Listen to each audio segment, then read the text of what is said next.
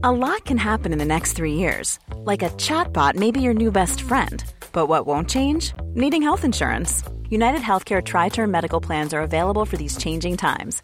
Underwritten by Golden Rule Insurance Company, they offer budget friendly, flexible coverage for people who are in between jobs or missed open enrollment. The plans last nearly three years in some states, with access to a nationwide network of doctors and hospitals. So, for whatever tomorrow brings, United Healthcare Tri Term Medical Plans may be for you. Learn more at uh1.com. I'm Sandra, and I'm just the professional your small business was looking for. But you didn't hire me because you didn't use LinkedIn jobs. LinkedIn has professionals you can't find anywhere else, including those who aren't actively looking for a new job but might be open to the perfect role, like me. In a given month, over 70% of LinkedIn users don't visit other leading job sites. So if you're not looking on LinkedIn, you'll miss out on great candidates like Sandra. Start hiring professionals like a professional. Post your free job on linkedin.com/people today. There's never been a faster or easier way to start your weight loss journey than with PlushCare.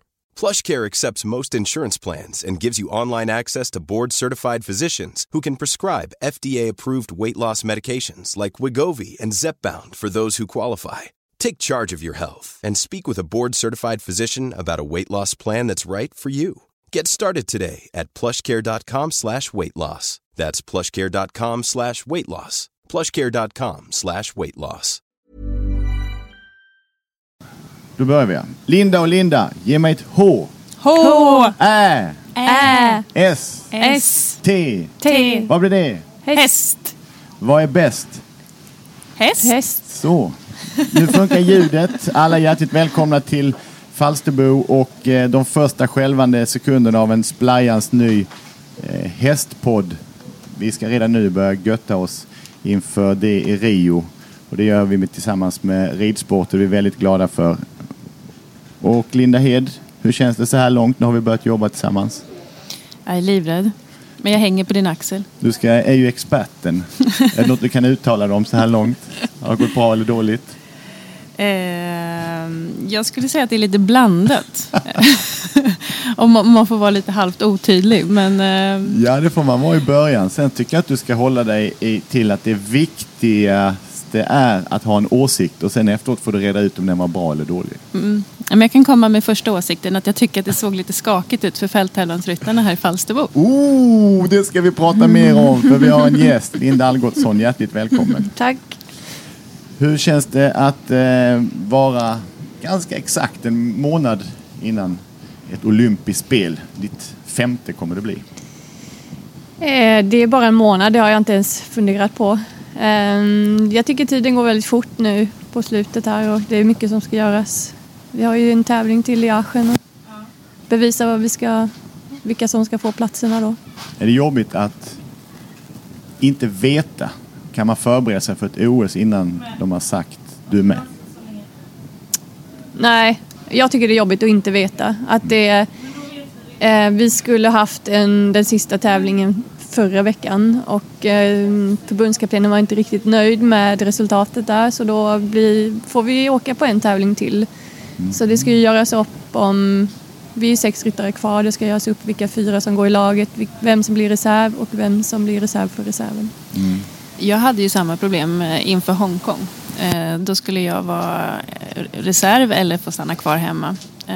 Och jag tyckte att det var jätte, jättejobbigt. Det fanns ju ingenting annat man tänkte på än OS. Varje dag, från att man vaknade till man gick och la sig så var det OS. Finns det risk att man börjar förbereda sig för mycket och tävla för hårt för att komma med? Så att när man väl är med så har man bränt krutet. Det hoppas jag inte att det blir så nu då. Men eh, det har ju varit ganska tufft schema för hästarna den sista, den sista tiden tycker jag eftersom det blev en extra tävling inslängd här sista minuten. Men vi känner ju två saker så här långt i, i vårt eh, behagliga samtal. Det är ju att ni har lagt in en extra tävling för att kunna få ut ett lag och Linda har varit och tittat lite och tyckte det såg lite vingligt ut. Ja, men eh, med mina ögon så tyckte jag att dressyren såg inte sådär på topp ut och sen hoppningen igår, då rev ni ganska många hinder. Mm. Känns det som att det är enligt plan eller? eh, eller? Man vill ju aldrig göra något dåligt men jag kan ju erkänna att jag själv inte kanske kom så bra förberedd hit.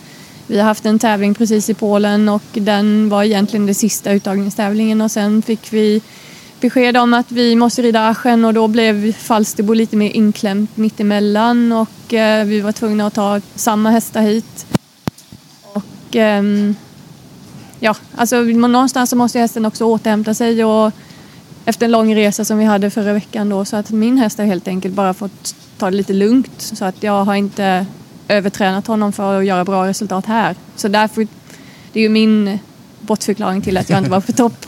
Men är din häst en sån som verkligen måste tränas varje dag och i dressyrjobbet och bli lätt i kroppen? Eller alltså kan, kan den leva lite på att återhämta sig och komma in lite fräsch in på banan? Mm, alltså det är ju fördel om man hinner kanske vara något dygn innan på tävlingsplatsen och innan hinner titta sig runt lite. Och vi, jag hade hopptävling med andra hästar i helgen och så vi kom hit liksom på, på en handbromsvändning i just innan vi skulle på dressyrprovet så att eh, vi var inte riktigt bra förberedda. Men vi hoppas att det blir bättre till nästa vecka då. Hade inte mäktigast av allt varit om fälttävlan hade en stor tävling här i, i skogarna i, runt omkring Falsterbo Skanör som var er OS-uttagning, precis det, som det hopparna. Jo, det hade ju varit väldigt coolt. Vi hade ju fälttävlan här för ganska länge sedan. Det är ju mer än 20 år sedan vi hade då hade Breeders Trophy och eh, internationell fälttävlan ute på Näset.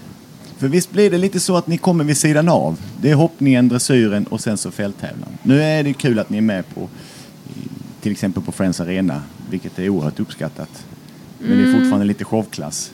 Det är showklass. Du menar att, eh, de, att vi kommer vid sidan av här i Falsterbo då just? Ja, eller? de stora tävlingarna. Ja, men... Eh, Göteborg och Falsterbo Ja, och alltså de tävlingarna i Sverige fastän det kanske inte vi räknar som de stora tävlingarna. Nej. Vi har ju andra stora tävlingar som vi ser fram emot. Badminton, Burley, Lomylen, Aachen till exempel. Så att det är jättespännande att komma på, eller lite annat att komma på när det är hopp och dressyr samtidigt och man ja, får lite nya input. Eh, men Alltså de stora fälttävlansbanorna är ju på andra ställen. Ja. Men ni känner inte er utanför eller bredvid?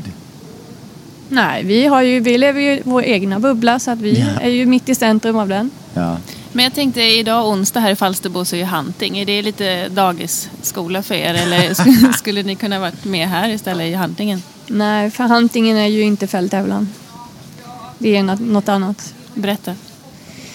Eh, nej men det är ju en kombinerad eh, hoppning, tidshoppning med något eh, lite små hinder utslängda i periferin här runt banan. Så det är ju egentligen inte något som har med fälttävlan att göra. Det är lite dagisskola med andra ord. Ja. Alltså, det, ju, det, kräver tuffa hästar som tål den här stressen som hantingen innebär så därför vill man ju helst inte ta någon man, häst man är rädd om. Vad skiljer era hästar ifrån de hästar som bara ska gå en disciplin, en gren, att kunna träna runt? Måste man göra avkall på någonting om man jämför med människor som är mångkampare till exempel så är, är det alltid deras problem att vikten kontra längden kontra muskelmassa till uthållighet. Ja, alltså vi, det är ju mångkampshästar och vi, de måste vara allsidigt bra men kanske inte speciell, speciellt bra på något, om man ska mm. säga så. Ehm, de måste kunna jobba i många dagar och vara på, hålla fokus på topp hela tiden. Och vi har ju inga förklasser så utan vi går ju direkt in på när det är skarpt läge på tävling och då måste hästarna också förstå det. Och de ska kunna växla mellan dressyr, terräng, hoppning och förstå uppgiften och kunna tagga till humöret därefter. Mm. Men är det inte lite så att nu för tiden så krävs det en bra hopp hopphäst med eh, vettigt steg och som är modig i terrängen mer än en, en uthållig häst som det var kanske för ett par år sedan? Eh, ja, det har ju blivit mer speciellt. Särskilt på OS då så har vi ju två hoppgrenar efter varandra, två hoppmoment. Så de måste ju hoppa väldigt bra. Men sen behöver du också ha en snabb häst och fullblodet. Det är ju viktigt att det finns inslag med fullblod i stammen på hästen. Samtidigt som den ska röra sig som en dressyrhäst och vi har ju en ganska hög nivå på våra, våra dressyrmoment nu. Men det måste också vara omslag i, eh, i temperaturen, mm. i aggressiviteten som jag tycker är det spännande. I och med att dressyr är ju att vara väldigt samlad, högt tryck men inte få spricka. Högt tryck och liten ventil medan terrängen är ju att ösa och vara modig. Talar man, beter man sig annorlunda mot hästarna beroende på vad man ska göra eller är det alltid samma uppladdning? Jag tror att hästarna läser av oss väldigt tydligt vad vi, vad vi själva är laddade för och eh, de, som har, de rutinerade hästarna vet ju exakt vilken ordning allting kommer i. Så de vet ju att dressyren är, den är först och sen laddar de också. De går in i boxen och ställer sig i ett hörn och vill liksom inte prata med omgivningen. Och sen när de är på terrängen då, då är de ju fulla med adrenalin och explosiva. Mm. Och sen när den urladdningen har kommit då så är de lite mera softa i temperamentet igen in förhoppningen och, och så ska de ju förstå att de ska hoppa felfritt den sista dagen.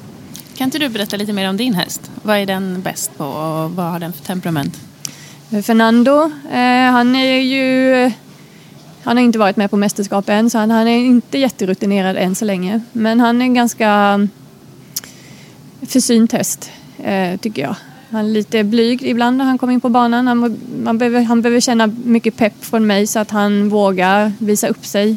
Mm. Sen är han, eh, har han en otroligt stor begåvning hoppmässigt um, och modig i terrängen. Och I just dressyrmomentet kanske han inte är så modig i utan han tycker det är pinsamt när folk tittar på honom. Men det är ju väldigt fint. Hur peppar man någon som är lite, är lite blyg? Är det att han gärna vill backa ut eller? Ja, men han blir lite kryper ihop så man känner liksom att han skulle vilja sitta i min eh, jackficka istället. lite chihuahua-häst. och så tycker man att han, ja, men han är ju så fin och han skulle kunna liksom bara, vet, eh, Blomstra ja, ut. få eh, lite bättre scenframträdande. Mm.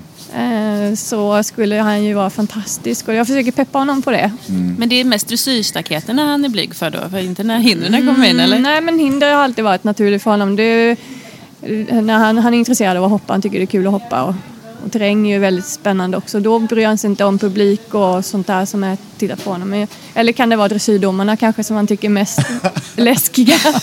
Det skulle i och för sig jag också tycka. Jag har ingenting mot att rida men det är domarna som stör mig.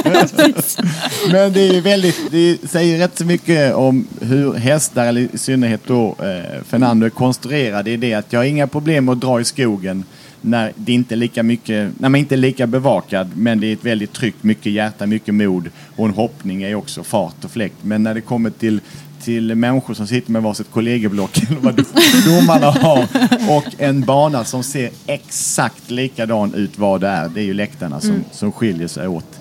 Vad är det för mentalt i hästarna som gör, är det rädsla eller är det flyktbeteendet eller är det att när det inte händer så mycket som på en dressyr?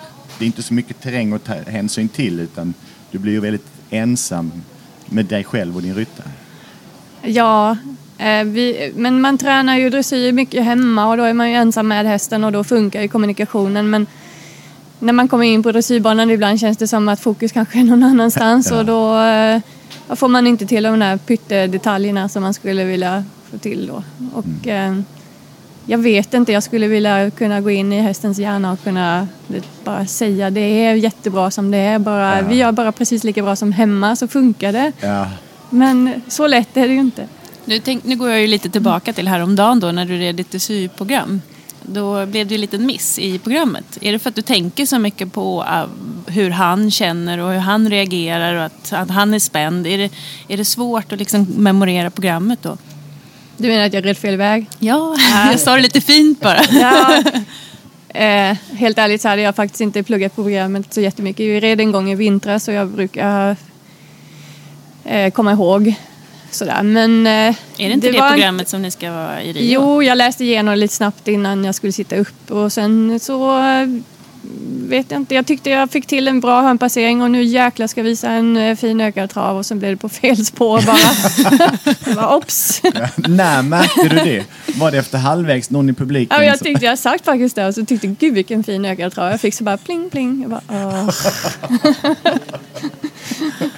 Det det, programmet är lite ologiskt mm. eftersom man gör två ökade trav på samma ställe i samma varv. Så att, eh, ja, jag mm. vet inte, det var klantigt bara.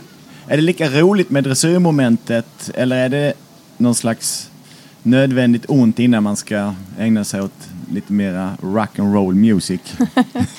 det är väl säkert olika från, eh, ryttare och, vilken häst man sitter på också. Men för mig och Fernando är det som att käka ärtsoppa innan man får pannkakor. Ja, men det är mycket bra liknelse. Ja, men, Och då är hoppningen Då- kanske lite grädde och sylt. ja den, då blir det glassen sen. ja. Och sen så är det ute i, i, i terrängen. Hur mycket vet ni om vad det väntar i Rio?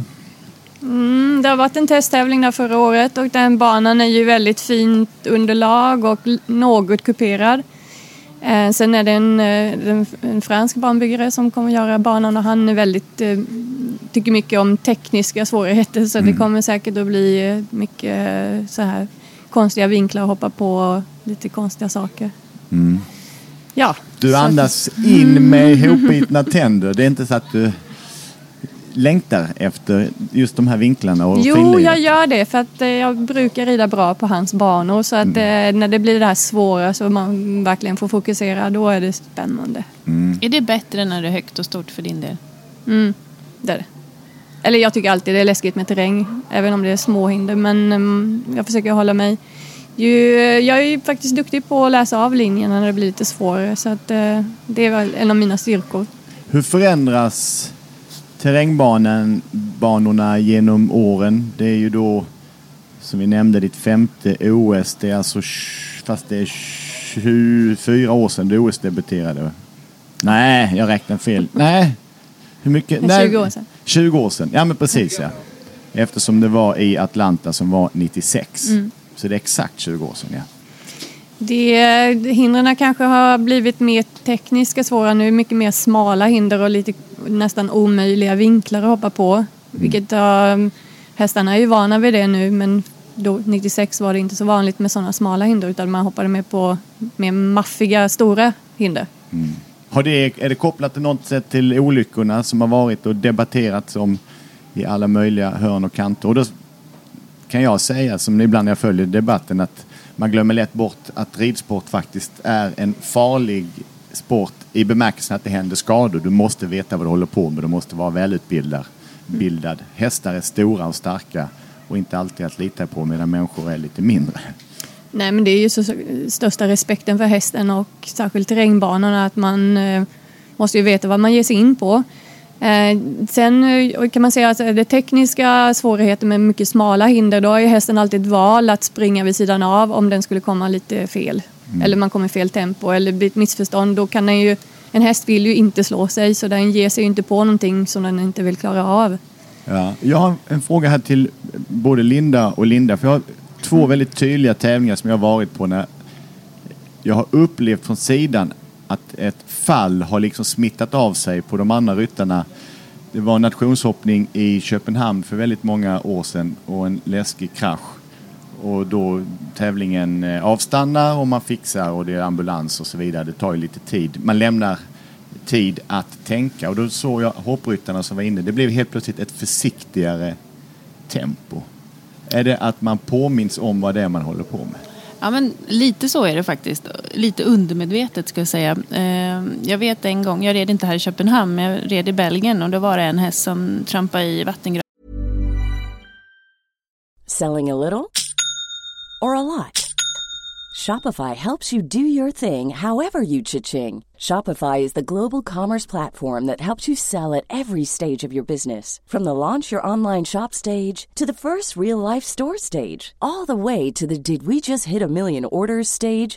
Shopify is there to help you grow. Shopify helps you turn browsers into buyers with the internet's best converting checkout. 36% better on average compared to other leading commerce platforms because businesses that grow grow with Shopify. Get a $1 per month trial period at shopify.com/work. shopify.com/work. Many of us have those stubborn pounds that seem impossible to lose, no matter how good we eat or how hard we work out. My solution is PlushCare. PlushCare is a leading telehealth provider with doctors who are there for you day and night to partner with you in your weight loss journey. They can prescribe FDA-approved weight loss medications like Wagovi and Zepbound for those who qualify. Plus, they accept most insurance plans. To get started, visit plushcare.com slash weight loss. That's plushcare.com slash weight loss. I'm Sandra, and I'm just the professional your small business was looking for. But you didn't hire me because you didn't use LinkedIn jobs. LinkedIn has professionals you can't find anywhere else, including those who aren't actively looking for a new job but might be open to the perfect role,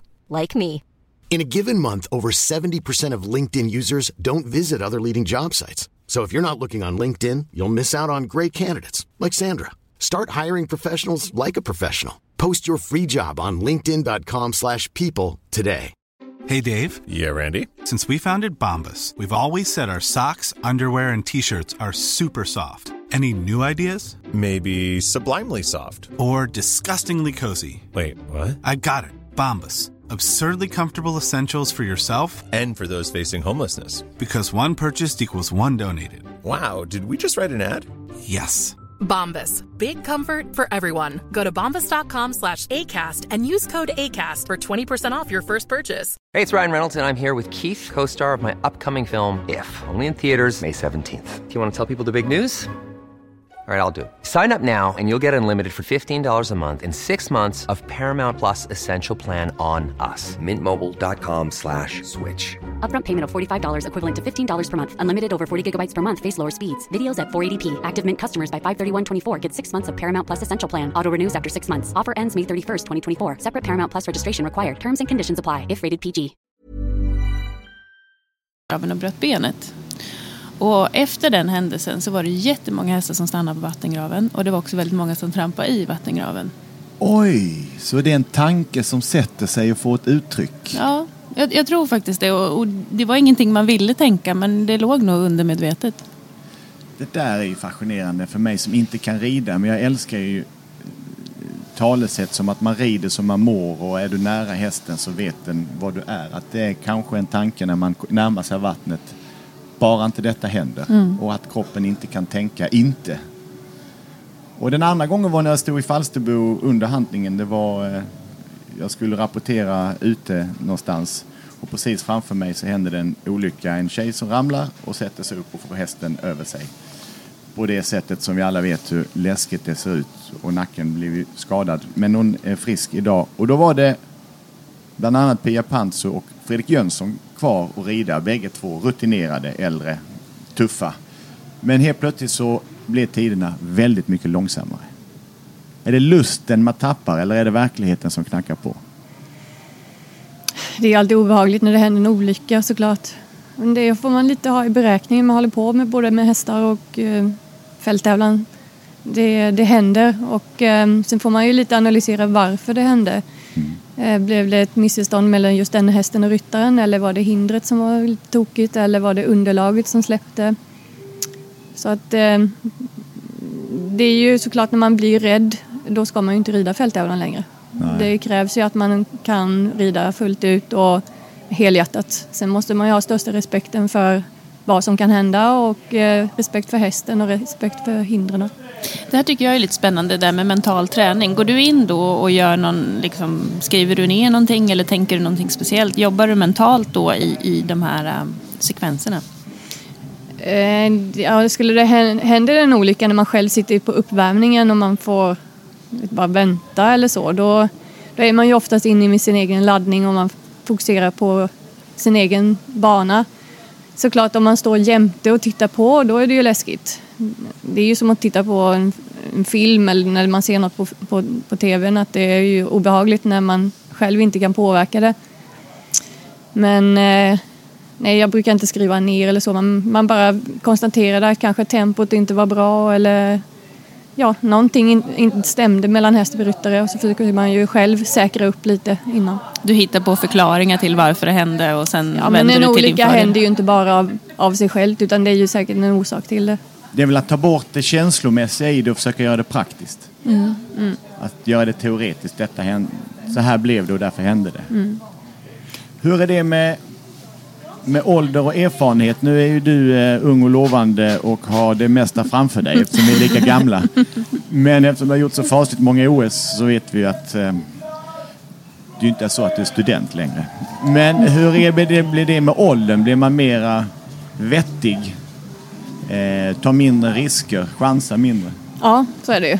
Det ser jag ju på de nya som kommer. De är ju eh, mycket tuffare och mycket mera våghalsiga. De Mm. kanske inte räknar med att det kan göra ont att ramla av, vilket jag gör.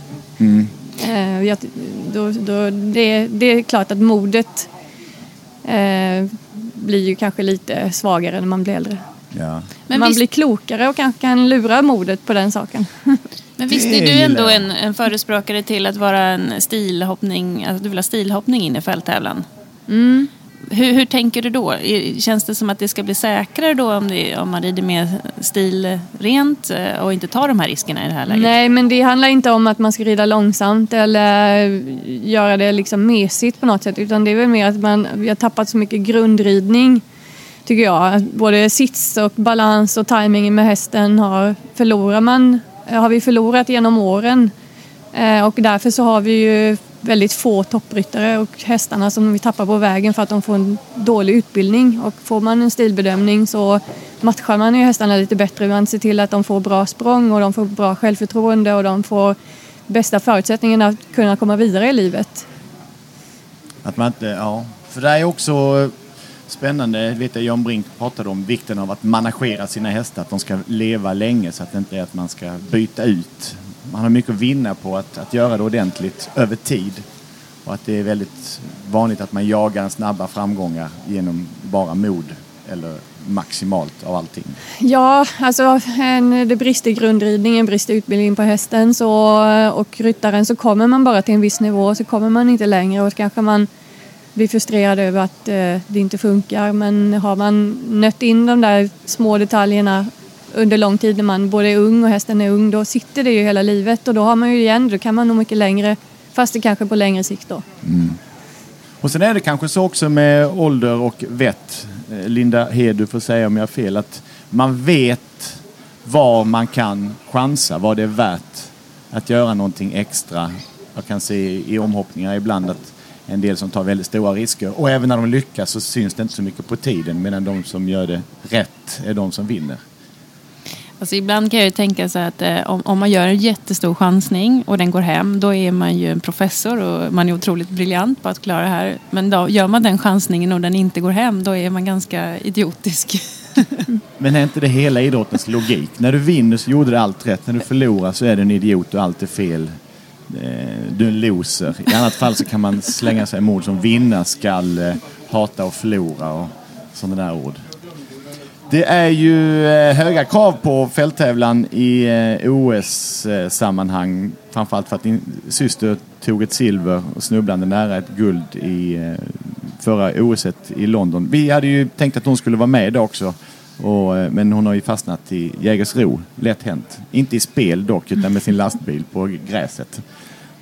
Hur påverkar det när en yngre syster tar en medalj? När man själv som du har varit fyra, fyra. Vilket är hemskt. Jag tycker det var helt fantastiskt att vara med när hon tog medalj. Jag var ju också i London och red eh, mamman till den hästen som Sara tog medalj på.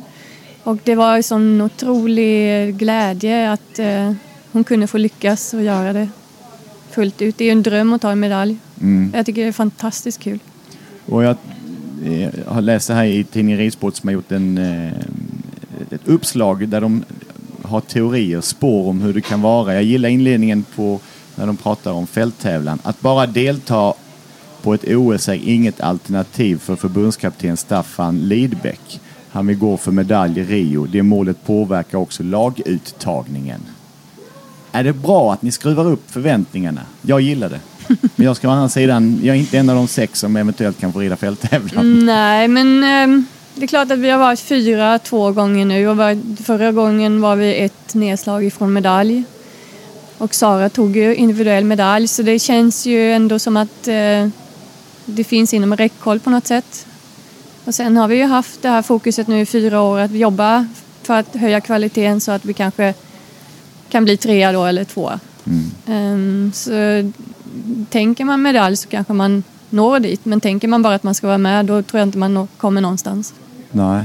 Hur är det med det, Linda, att Sverige alltid vill vara underdogs? Vi får se lite hur det går med tur, är någon annan som river bort sig. Jag kan känna ibland att det finns sån känsla, men jag tycker att detta känns fräscht, för att använda ett uttryck som är populärt Jag tycker att det 80-talet. spelar ingen roll egentligen vilken sport det handlar om. Men vi jobbar ju alltid bäst i underläge. Och jag tror att det är lite typiskt svenskt. Man vill vara lite lagom. Man vill inte stå ut för mycket. Och står vi ut för mycket så blir vi så ledsna om vi inte vinner. Nej, men skämt åsido. Jag, jag, jag vet inte. Jag känner likadant när jag rider. Jag tycker också hellre om att komma lite så underdog. Ja, för logiskt sett är ju detta det enda rätta, som Linda säger. Har man varit fyra två gånger så är det ju dåligt att komma femma och bra att komma trea för då har vi blivit bättre. Ja.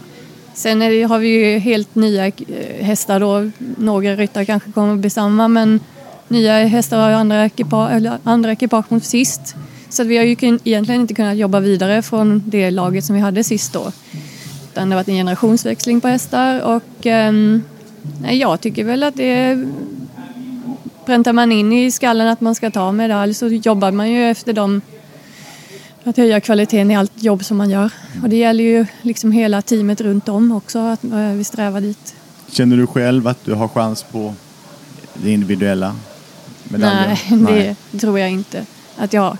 Eh, ehm, Är det mellan dig och Anna det står lite grann nu i- inför det här?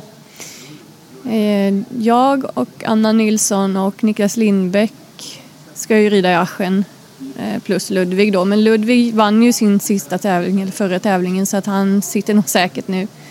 Eh, men vi tre ska ju rida om de tre återstående platserna kan man säga. Gillar du det, att allt ställs på sin spets? Nej, men det är ju spelets regler nu va.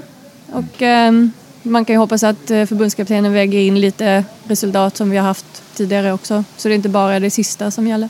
Mm. Vad tror vi, eh, Linda? Har vi medalj i fälttävlan?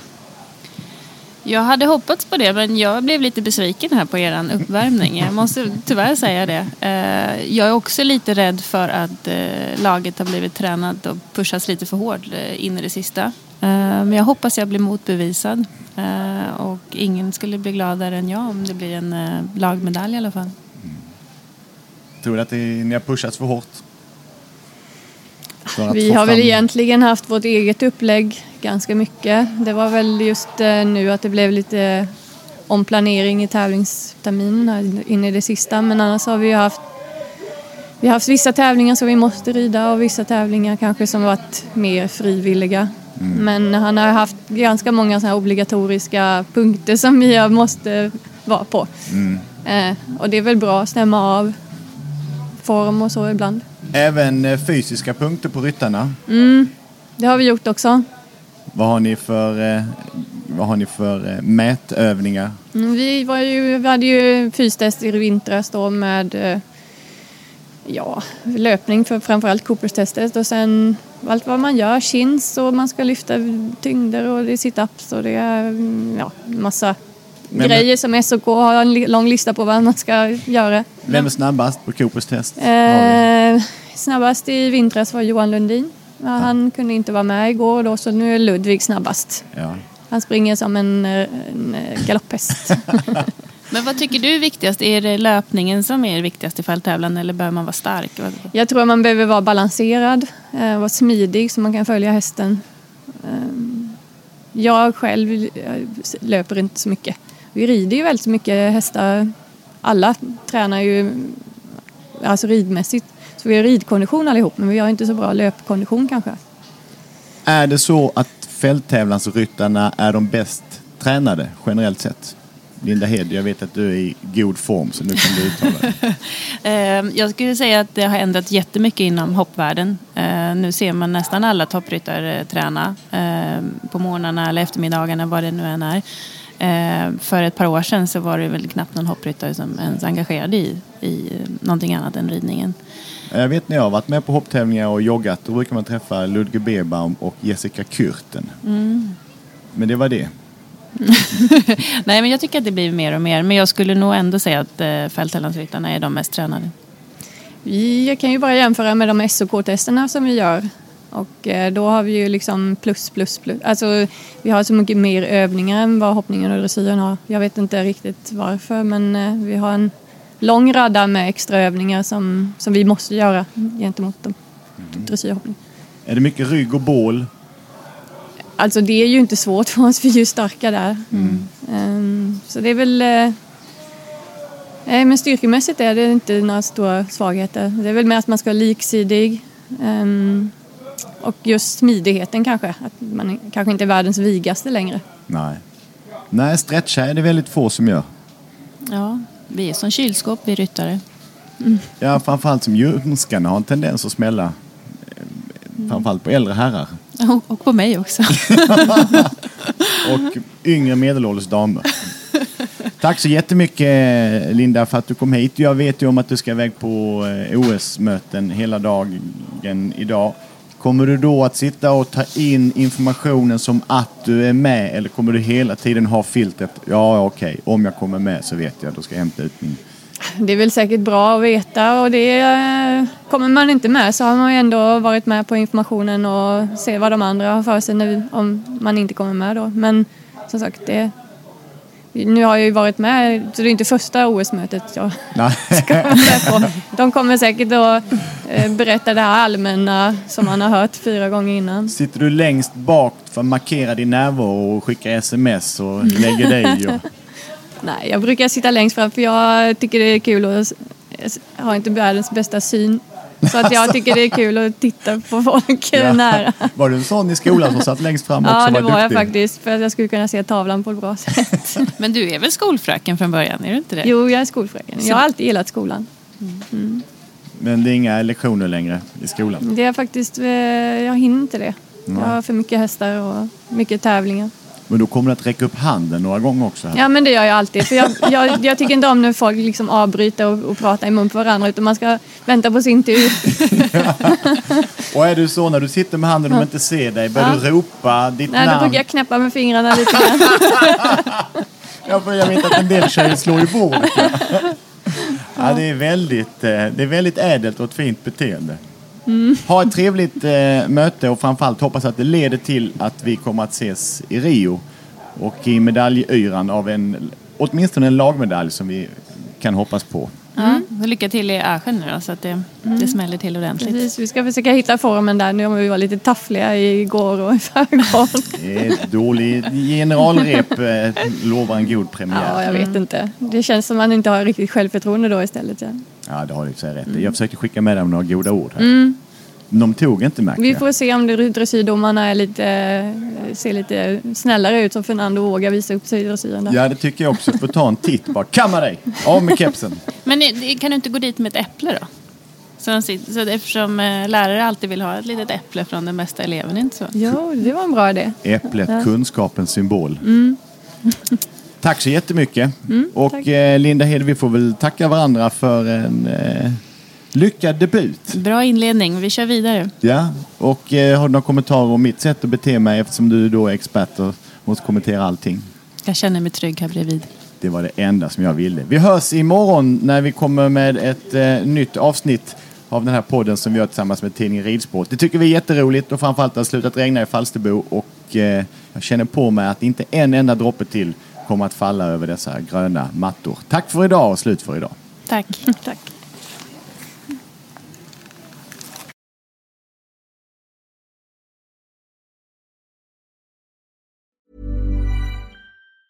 Planning for your next trip?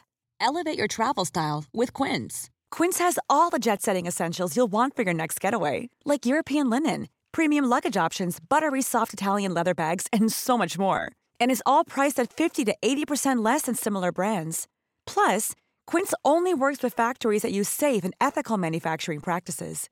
Pack your bags with high-quality essentials you'll be wearing for vacations to come with Quince. Go to quince.com slash pack for free shipping and 365-day returns. Mom deserves the best, and there's no better place to shop for Mother's Day than Whole Foods Market. They're your destination for unbeatable savings, from premium gifts to show-stopping flowers and irresistible desserts. Start by saving 33% with Prime on all body care and candles. Then get a 15-stem bunch of tulips for just $9.99 each with Prime. Round out Mom's menu with festive rosé, irresistible berry chantilly cake, and more special treats. Come celebrate Mother's Day at Whole Foods Market. Imagine the softest sheets you've ever felt. Now imagine them getting even softer over time. That's what you'll feel with Bowl and Branch's organic cotton sheets. In a recent customer survey, 96% replied that Bowl and Branch sheets get softer with every wash. Start getting your best night's sleep in these sheets that get softer and softer for years to come. Try their sheets with a 30-night guarantee. Plus, get 15% off your first order at bowlandbranch.com. Code BUTTERY. Exclusions apply. See site for details.